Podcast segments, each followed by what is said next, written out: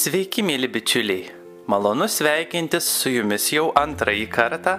Šiandieną, kaip esu žadėjęs, nusprendžiau jūs supažindinti su Merkinės piramidės erdvės istorija. Ir vieną ramų vakarą padariau garso įrašą. Tačiau klausydamas jį, nusprendžiau, kad skamba ne visiškai natūraliai, kad geriausia sekasi apie tai pasakoti gyviems žmonėms gyvų susitikimų metu. Dėl to šiandieną, šeštadienį, susitikęs lankytojų grupę, jiems visą tai ir papasakojau, bei padariau šį įrašą. Kviečiu pasiklausyti.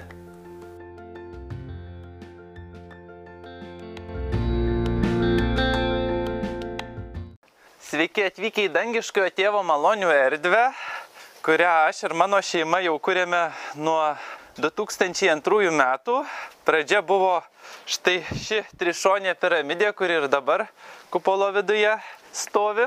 Po septyniarių metų kupolas pastatytas, 2009-2010 vidus pilnai įrengtas, įvyko ir dvasinė šventė, įprasminimas, vadinu tai šventosios dvasios dienos, kadangi rinkosi patys artimiausi mūsų bičiuliai dvasingiausi ir kartu meldėmės, prašym, kad Dievas ir angelai priimtų šią vietą į savo globą, apsaugą ir kad šventoji dvasia ateitų, mus palytėtų ir lydėtų kasdienybėje.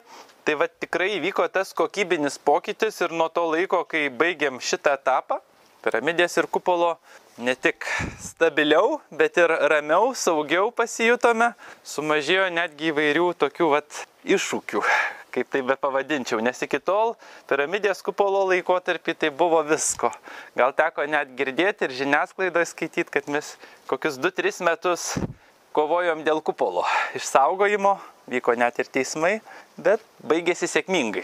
Dabar tai yra pirmoji Lietuvoje visuomeninės kultūrinės paskirties erdvė įsteigta ne valstybės, o jau privačia iniciatyva ir privačiom lėšom.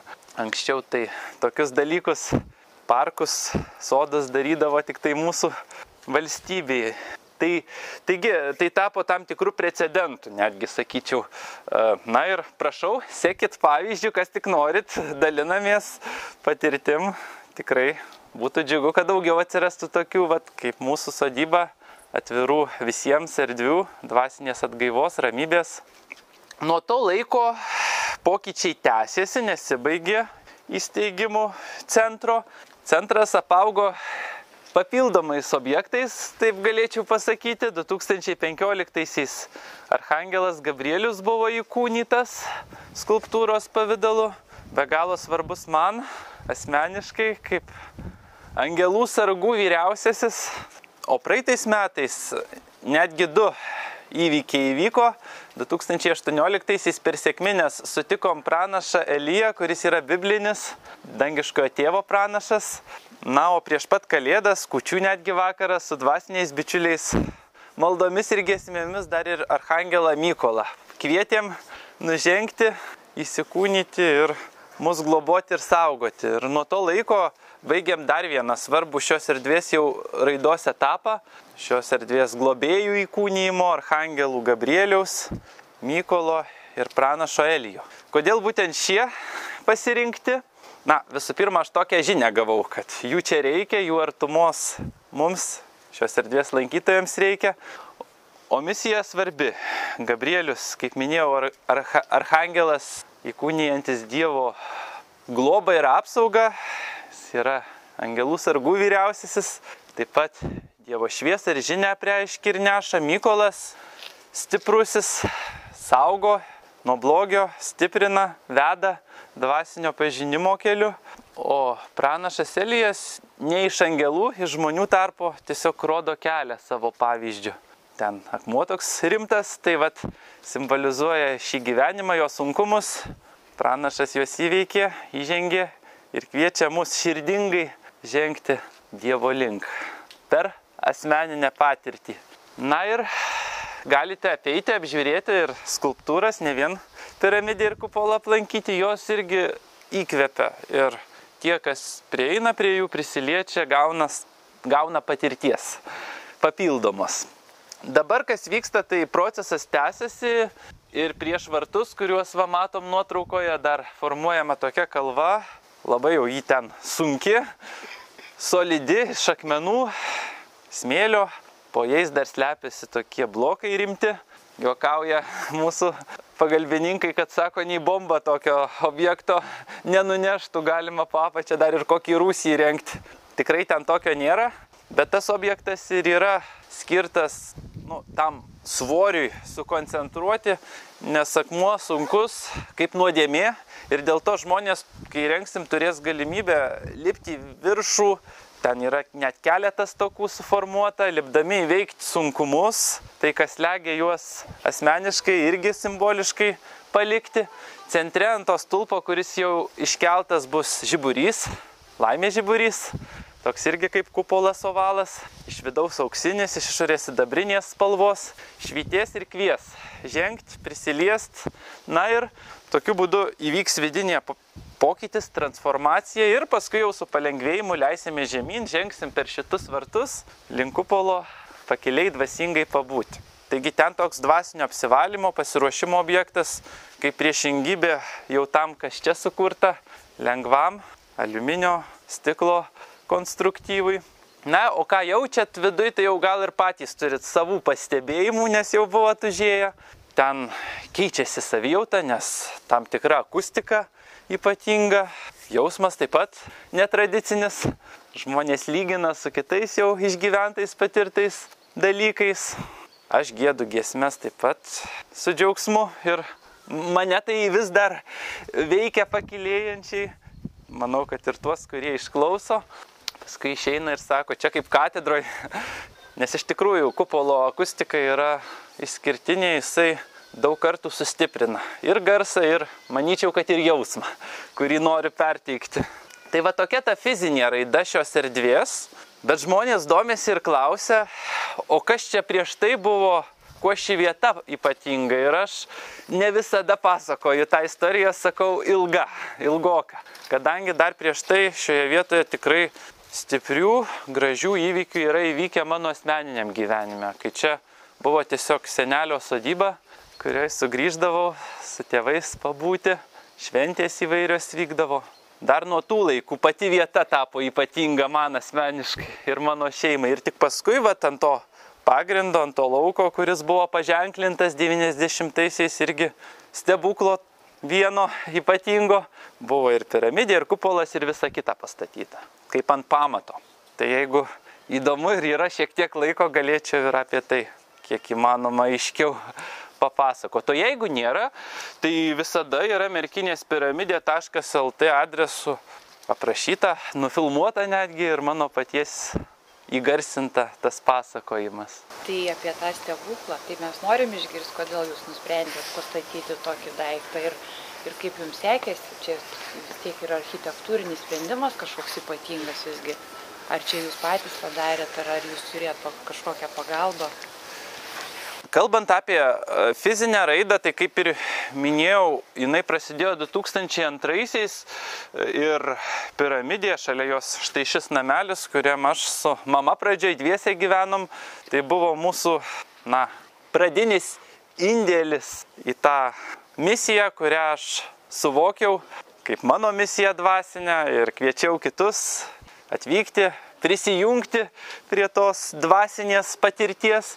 Paskui atsirado ir pagalbininkų ir rėmėjų. Ir iš tikrųjų žmonės, tie, kurie patirdavo čia atgaivą, netgi fizinius pokyčius, pasveikimo malonę, tai tiesiog norėdavo prisidėti ir atėjus laikui kitiems darbams paremdavo. Paremdavo ir žiniomis, ir maldomis, ir lėšomis. Yra šeimų, kurios ir iki šiol padeda įgyvendinti tuos didelius darbus. Taip pat žmonės paremia kupolę ir padeda mums tą aplinką, grožį kas metai puoselėti ir vis į priekį judėti. O kalbant apie dvasinį, va, viso to įkvėpimo šaltinį, be kurio tiesą sakant nieko nebūtų. Tai vad, kaip minėjau, mano vaikystėje yra įvykių tų, kurių iki šiol nepamirštu ir turbūt negalėčiau pamiršti, nes jie labai daug ką pakeitė. Tai pabandysiu trumpai, kiek įmanoma, tą apibendrinti keliolikos metų laikotarpį. 90-aisiais tuo metu tik septyniarių būdamas kartu su artimaisiais, tie metai ypatingi, nepriklausomybės atkūrimo sąjūdžio metai, taip pat ir dvasinio atgimimo metai. Taigi su artimaisiais susirinkę į šią sodybą, senelių sodybą, dalyvavom ir Švento Roko atlaiduose, kurie vyko merkiniai bažnyčioje, kasmetiniai, paskutiniai vasaros atlaidai. Tais metais tikrai gausiai buvo lankoma bažnyčia, aš mėgdavau į vidų užeiti, dėl to net iš anksto su mama nuvažiavom, artimieji tuo tarpu liko šalia bažnyčios šventoriuje, irgi būdavo gausiai žmonių, transliuodavo mišes per garsiakalbius. Ir stovėjau kaip tik toje vietoje, kur dabar pastatytas šventų mišių laikymo vieta, aukojimo altorius ir meldžiausi. O žmonių tikrai būdavo tiek daug, kad net vieni kitus spausdavo. Taigi net negalėjau matyti uh, to viso veiksmo akivaizdžiai. Tiesiog meldžiausi ir tai buvo laikas prieš pamokslą. Man ta būsena patikdavo beje. Ir netikėtai išgirdau vidinį balsą. Jis kreipėsi į mane, aš sveikinu tave vaikę, aš esu tavo angelas sargas, tu girdi mane, supras, kad tai ne žaidimas ir turėsi šią dovaną žinai. Priemiau labai natūraliai ir iš karto pašnipždom pakartojau mamai, mamytė, aš girdžiu balsą, jis man sako taip ir taip. Mama viską užfiksavo, prisiminė, bet aišku liepė neišdykaut, nes nelaikas ir ne vieta tam. O tada jau aš pats kreipiausi į tą mano naująjį draugą, Angelą Sargą, kaip jisai prisistatė. Ir jis man liepė kartot, ką aš girdžiu. Ką kunigas kalbės per pamokslą, kaip žmonės elgsis. Na ir aš pašnipždom pradėjau tą žinią savo mamai transliuot, kartot. Kai jinai pamatė, kad vyksta tai, kas per mane žadama, tada šiek tiek įsigando ir pradėjo mintysę prašyti Dievę, jeigu čia kažkas ne taip, tai bausk mane, o ne mano vaiką. Kaip jinai pati tą paliudijo vėliau. Ir visai neklausimas, aš gavau atsaką ir pakartojau, mamytė, man Angelas Argas liepė tau pasakyti, kad tai nebausmė, o didelė dovana. Suprato, kad ir jos mintys girdimos, nu ir jau tada visko per daug tapo įspūdžių, emocijų. Gal ten ir oro trūko bažnyčioje, nes tikrai žmonių daug buvo susirinkę. Per šoninį išėjimą išėjom į lauk, į šventorių. Ir mane vat apstojo ne tokia gausi kaip šiandien jūs, bet bičiulių, net gertimųjų, artimųjų grupelė ir pradėjo klausinėti. Aš pradėjau tarpininkauti ir ko jie klaust. Klausdavo, tą atsakydavau, gavęs vidinį atsaką.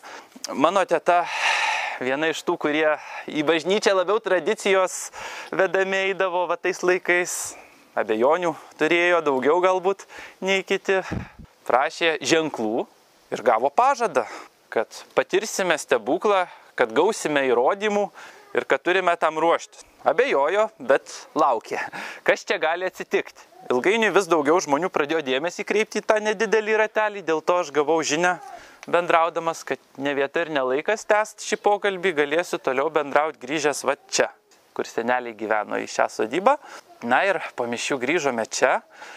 Toliau bendravau mintimis su angelu, į kurį kreipdavausi, mano angelė sargė pasakyk. Nu ir gavau žinę, kas turi atsitikti, kad žmonės turi laukti, ruoštis, kad bus reginys, kad neturime eiti artyn, kad tai bus akivaizdu ir stipru. Laukim. Po piet, kai dalis žmonių išėjo pasivaikščiot, moterys liko, ten senasis namelis stovėjo indų tvarkyti, plaut, aš išėjęs į namus pastebėjau, kad vyksta įdomus reiškiniai danguje iš debesų, pakviečiau ir tetas, mamą pažiūrėti, pamatėm, kad formuojasi kryžiai, trys kryžiai, kurie paskui pastebėjom, kad ir juda, ir net spalvą keičia. Gavau žinę, kad tai yra artėjančio apsireiškimo ženklas, bet galbūt netoks stebuklingas, kokio tikėjomės. Dėl to dalis iki vakaro daugiau taip ir nesulaukė ženklų, įsiskirstė, kas gyveno netoliese aplinkui miestuose, miesteliuose, dalis liko nakvoti ten senajam namelį, seneliai, mano tėtos, aš, vyrų buvo, kurie jau nebetilpo, tai kluonė ant šieno, nes gyvulių seneliai laikydavo, nuėjo miegot. Ir užmigom. Naktį aš sapnavau sapną, baltas, aukštas, labai angelas ateina ir kalba su manim ne žmonių kalba kažką. Ir staiga atsibudau. Ir išvydau, kad šviesu, kaip mano sapne, saugė taip pat buvo pabudę, mėgamasis į šitą langą. Va šitoj nuotraukoje tas senasis namelis matomas, tai va į tą pusę langai vieno mėgamojo, į upės pusę kito, o čia rytinis kambarys valgomasis buvo. Taigi visų pirma, tie, kurie tam kambarį pradėjom stebėti, kas vyksta, iš kur šviesa sklinda, pro langus. Pamatėm, kad palaukiai čia nei kupolo, nei piramidės nebuvo. Tvorelė, aviliai, obelys augo, močiutės daržas, o jau čia bulvės ir daržovės tais laikais. Vat šitam laukia, kur dabar kupolas ir piramidė. Taigi pamatėm, kad palaukėje šviesos šaltinis, kaip aš tuo metu sakydavau, stulpas. Srautas ir tame sraute figūra. Aš ją atpažinau ir sakau, tai mano angelas sargas atėjo, kaip žadėjo. Paskui dar močiutė prisijungė, pakvietė visus melstis. Ir iš tikrųjų jausmas buvo ypatingas, nes stebint tą įvykį ištirpo pojūtis, kad esi žmogus, liko tik tai esatis. Netgi sakiau mamai, kad aš ne jos glėbi, o su ta esybė, jos dėlne. Vėliau 25-mečio proga, kaip jau minėjau, 2015 Gabrielius įkūnytas, kuris ir yra baltas angelas baltoje šviesoje, dėlne laikantis mums svarbę žinę nešantis. Taigi stebėjome tą įvykį, nebyliai, tyliai ir jis tęsiasi, sunku pasakyti kiek laiko, tačiau kai pradėjo viskas blėsti, vėl tamsa, vėl kūno pojūtis, svoris sugrįžo, savivoka, tapo aišku, kad įvyko tai, kas neapsakoma. Ir kadangi tai buvo jau prieš rytinis laikas, tai aš prisimenu rytinį labai labai tylų pusryčių metą, kai visi susirinkę va, į tą virtuvėlę pusryčiavo ir gamino tyliai, ir pusryčiavo tyliai, tik va iš kluono atėjęs mano dėdė Juozas pradėjo kalbą, sako, išbėgau į lauką, iš pradžių jį pažadino garsas kaip griaustinio, paskui šviesa kaip žaibo, jis galvojo, kad bėda, kad tais laikais ir ryšių nebūdavo, reikėdavo greit reaguoti, kad namui kažkas, kad galbūt žaibas trenkia, reikia gesinti. Pamatė irgi, kad šaltinis šviesos palaukiai ir sustojo. Netgi juokavo, kad sako, buvau neapsirengęs dėl to artinėjau. Nu, ta prasme, iš tikrųjų tai matyt, baimės šiek tiek buvo. Ta teta irgi, kuri prašė įrodymų, labai tyli buvo, bet paskui pasidalino savo atsiliepimais, kaip ir kiti. Pasirodo, saugusius pažadino garsas kaip griaustinio, paskui šviesa kaip žaibo, kurią jau ir aš išvydau ir kartu stebėjome. Na, o iš ryto prasidėjo mano dvasinė misija. Prasidėjo labai rimtai. Povilai paklausk savo angelo sargo, kas čia atsitiko, kaip mums elgtis. Jau nevaikiškai, kad kažką aš vienas girdžiu, matau ar įsivaizduoju. Ir labai rimtus dalykus pradėjau gauti, kurių net ir pats nesuprasdavau, dėl to prašydavau, kai pakartoju, sakau, dabar jūs man paaiškinkit savo tėvams ir tetoms, ko visai sunkiai suprasdavau, netgi nupieždavau, kas man būdavo pateikta. Turiu tokį piešinį, kuriam pavaizduota ir trikampis kaip piramidė, ir apskritimas kaip kupolas. Tuo metu nežinojom, ką tai reiškia. Gavau žinę, kad įvyko apsireiškimas, kad nevyksta tai dažnai, nes net ir angelams sunku tą materializuoti, kad ne tik mums tai skirta, bet šita vieta paženklinta, kad kai aš užauksiu, kažkokia labai didelė misija prasidės mano gyvenime ir šitoj vietoj. Dar gavau žinę, kad apie tai, ką patyriau ir mačiau, negaliu pasakoti savo mokyklos draugams ar mokytojams, nes mano gyvenimas taps sunkus anksčiau laiko. Net ne tik žinia gau, bet ir pojūtį, kad tai rimta. Dėl to visi tie patyrimai liko šeimos rate.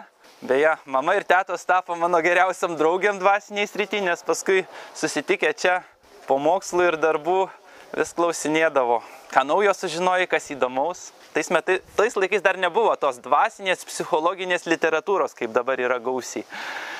Tai kas jom rūpėdavo, tą aš užklausdavau apie gyvenimą, apie pasirinkimus, apie dvasinį pasaulį. Na, o rašiniuose dienoraštį tai vadindavau geriausiu savo draugu. Dėl to taip nieks ir nesužinojo, kas jis yra. Bendraudavau, tai man teikdavo daug džiaugsmo ir tai tęsiasi iki 12 metų. 12 metų tas ryšys dingo. Prieš tai gavau žinę, kad turiu užaugti, subręst ir tada apsispręst, kokiu keliu toliau norėsiu eiti. Nu ir va tada supratau, kad man to trūksta ir kad tai nėra savaime suprantama. Nu va, pradėjau laukti to laiko, kai buvo žadėta, kad ir vėl galėsiu kreiptis. Bandžiau ir anksčiau, bet atsako negaudavau. O artėjant 18 gimtadieniui vis dažniau grįždavau į šią vietą, lankydavau krikščioniškas bažnyčias šventovės, kad vėl prisiminti tą būseną ir išgirsti tą žodį, kaip vaikystėje. Ne taip lengvai, bet ir vėl pradėjau jaust srautą, energijos srautą, o paskui tas srautas atnešė ir žodį. pradėjau vėl gauti žinę. Žinę, kuri tapo žymiai rimtesnė, aiškesnė nei vaikystėje. Iš karto prasidėjo pasirinkimų, ar aš noriu gyventi kaip visi, manęs klausė aukštesnėji, ar pasišvesiu dvasiniai veiklai su jos sunkumais ir džiaugsmais. Vienam komplekte, kaip sakoma šiais laikais. Pamastymų buvo, nes tuo metu norėjau studijuoti mediciną, tapti gydytoju ir buvau įstojęs, vienus metus studijavau, bet pasirinkau dar nepramintą kelią, apmastęs, kuo tai gali būti man naudinga ir prasminga kitiems, kuo galėčiau labiausiai padėti savo darbais ir žodžiais. Ir nuo to laiko labai rimta veikla prasidėjo. Pradėjau gauti žinių, kurios tapo klausimais, atsakymais ir padėjo suvokti esmę apie žmogišką dvasinį pasaulį, neskaitydamas kitų šaltinių ir knygų. Atsirado draugų, kurie pradėjo rinktis va taip va kaip šiandieną į susitikimus ir dalinausi tom patirtim. Po keliolikos susitikimų 2002 pavasarį gavau ir žinę, kad kitą kartą rinksimės ypatingoje vietoje, kurioje stovės ypatingas statinys piramidė vadinamas. Šiek tiek pats nustebau, kodėl piramidė Lietuvoje.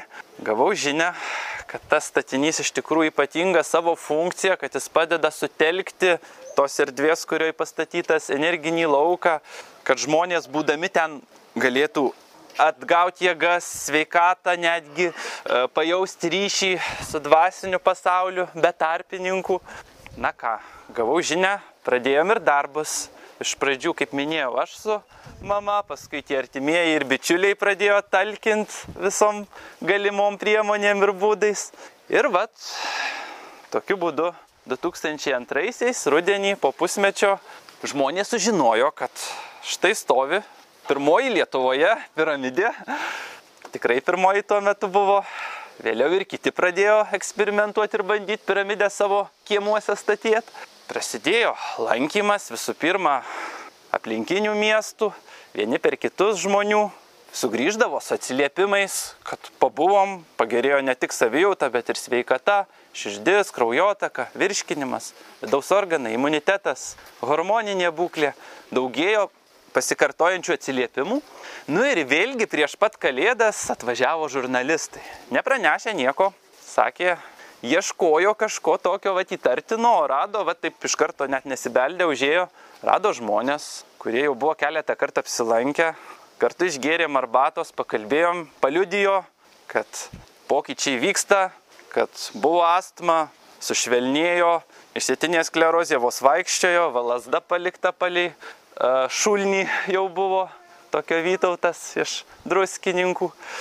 Pamatė tie žurnalistai, kad stebuklai vyksta, bet nepasakė, kas jiem įvyko. Paskui prisipažino, kai jau ne pirmą kartą atvažiavo, sako, bet man didžiausias stebuklas rūta žurnalistė, kaip skeptikiai buvo, sako, kad mūsų profesionali kamera užstrigo ir dar kažkokių ten jai garsų įsirašė, papildomų, kurių neturėjo būti. Kaip paukščių čiulbėsio, sakė panašių. Tai sakau, tik neviešinkit šitų stebuklų, nes jie nedvasini. Paviešino kad ir jinai įsitikino. Tai paskui prasidėjo tokių tikrintojų, kai vaikšto su telefonais, su technikom ir tikrina, ar jiems kažko neatsitiks. Aš sakau, atsitinka tuo atveju, kai jūs esate atviri ir kai per jūs energija sruvena, o telefonas ar kas ten šalia kažkur netyčia pasilikę. Taigi prasidėjo liudijimai, prasidėjo atsiliepimai labai pozityvus. Paskui prasidėjo abejonės, kaip aš sakau, nei buvau, nei mačiau, bet savo nuomonę turiu. Irgi žiniasklaidoj komentarai pasipylė, tame tarpe iš tų, kurie užsima tokią parapsichologinę veiklą ir iš to išgyvena, kadangi šita vieta nuo pat pradžių buvo atvira visiems ir nemokamai visi galėjo lankytis, netgi aukų nieko pradžioje nepriimdavom. Taigi jie šiek tiek piktinosi, kad konkurencija, netgi bendradarbiauti kai kurie siūlė atvažiavo, sako, dalinamės klientais. Aš sakau, pas mus klientų nėra, pas mus lankytojai visiems durys atviros. Tai va iš jų tarpo buvo šiokių tokių pagrasinimų ir pagazdinimų, bet vėlgi, ėjo laikas, kaip aš sakiau, viskam reikia laiko. Ir tie, kurie jausdavosi gerais ir sugrįždavo po ilgesnio, po kelių savaičių, mėnesių, paskui ir metų, vis dar dėkingi pakiliai, kad pokyčiai tęsiasi, gyvenime atsirado naujų patirčių, ne tik sveikatos, bet ir dvasiniai santykių, gyvenimo aplinkybių srity. Ir tokiu būdu kažkaip vat, per tuos pirmuosius metus labai intensyvius nusistovėjo šios erdvės, nu, ne tik lankymas, bet ir pradėjo formuotis jos statusas. Tapo žmonėms aišku iš tikrųjų, kad ir buvo, ir liks skirta visiems, atvira visiems, nemokama visiems, kad e, mano šeimos tikslas sutikti ir pabendrauti su visais, nepriklausomai nuo to, e, kas man žadama, nes iš pradžių būdavo visokių ten komentarų. Ir net provokacijų siūloma atlygis už tam tikras paslaugas, už reklamą, už išskirtinį dėmesį. Niekada to nerodžiau, nes tai, manyčiau, keičia esmę, iškreipia pačią idėją. Na ir dabar, manyčiau, kad čia pabuvę, pabendravę, pajutę tos erdvės aurą ir jeigu apmastėte tikslą, patyrę pokyčių toj srity, patys padarysite išvadas ir jeigu sugrįšite, tai labai džiaugsiuosi ir kitą kartą jau ne aš, o jūs man papasakosit, kas įdomaus ir gražaus įvyko gyvenime. Tai va, kiek pavyko trumpiausių kelių papasakojau, bet ko negaliu papasakot labai trumpai, tai va, tų stebuklų, stebuklais vadinu tai, kas vyksta retai, vyksta akivaizdžiai ir yra tikra, nes apie tai liudyja tai patyrę žmonės. Tai va, to negaliu labai trumpai papasakot. Kai sveikata keičiasi, akivaizdu, pačiam žmogui. Galų galiai ir tyrimus galima pasidaryti, šiais laikais stebuklus galima patikrinti. Vieni tyrimai po keletą apsilankimų kažkiek pasikeitė padėtis, jau išvada. Mažiausiai patikrinami yra dvasiniai, bet jie yra ir didžiausi pokyčiai. Vat ką prisimenu dabar, ten bendravom, sėdėjom irgi arbatėlę, jau su ne pirmą kartą atvykusiais gėrim, užeina vyras ir stovi. Tokio jaunesnio amžiaus stovi ir nekalba. Mes jį atkreipiam dėmesį, jisai sako, įtikėjau. Tada jau ir svečiai susidomėjo ir aš klausiu su mama, kaip įtikėjot. Nu, sako, aš šiaip tai skeptikas, bet ten būdamas paprašiau, Dieve, jeigu esi tai daug ženklą, o jisai buvo tuo metu vienas, nes pas mus rudenį, pavasarį ramiau būna šiek tiek. Ir jisai stovėjo netoli centro, išgirdo kažkur šalia savęs vyrišką balsą, aš čia su tavimi.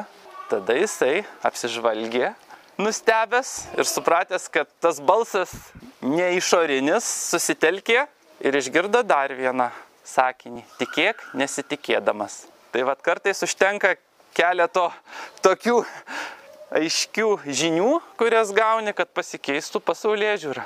Ir aš labai džiaugiuosi, nes tada man nereikia uh, nieko įtikinėti, nieko įrodinėti. Pats žmogus atranda atsakymus, atranda kartais ir pagalba tampa aiškiau, lengviau žengti šio gyvenimo keliu.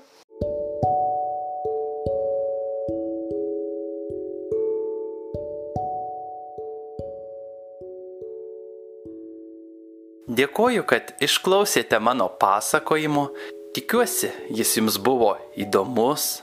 Tikiuosi, kartu su manimi išgyvenote tą stebuklą. Regėjote girdėjote ir jautėte tai, ką aš tuo metu jaučiau kartu su savo artimaisiais dar vaikystėje. Be to, norėčiau nuoširdžiai padėkoti pirmiesiems klausytojams, ypač laimutei už palaikymą, už atsiliepimus. Laukiu jūsų laiškelių ir šį kartą elektroniniu paštu adresu povilas eta merkinės piramidė LT. Kita kartą išsameu papasakosiu apie šios erdvės objektus, apie jų funkcijas, pasidalinsiu savo patirtimi ir patarimais, kaip atvykus į šią erdvę visapušiškai turiningai praleisti laiką ir pasisemti energijos bei dvasinių patirčių. Na, o dabar norėčiau atsisveikinti iki kito karto, iki kitos savaitės. Sudie.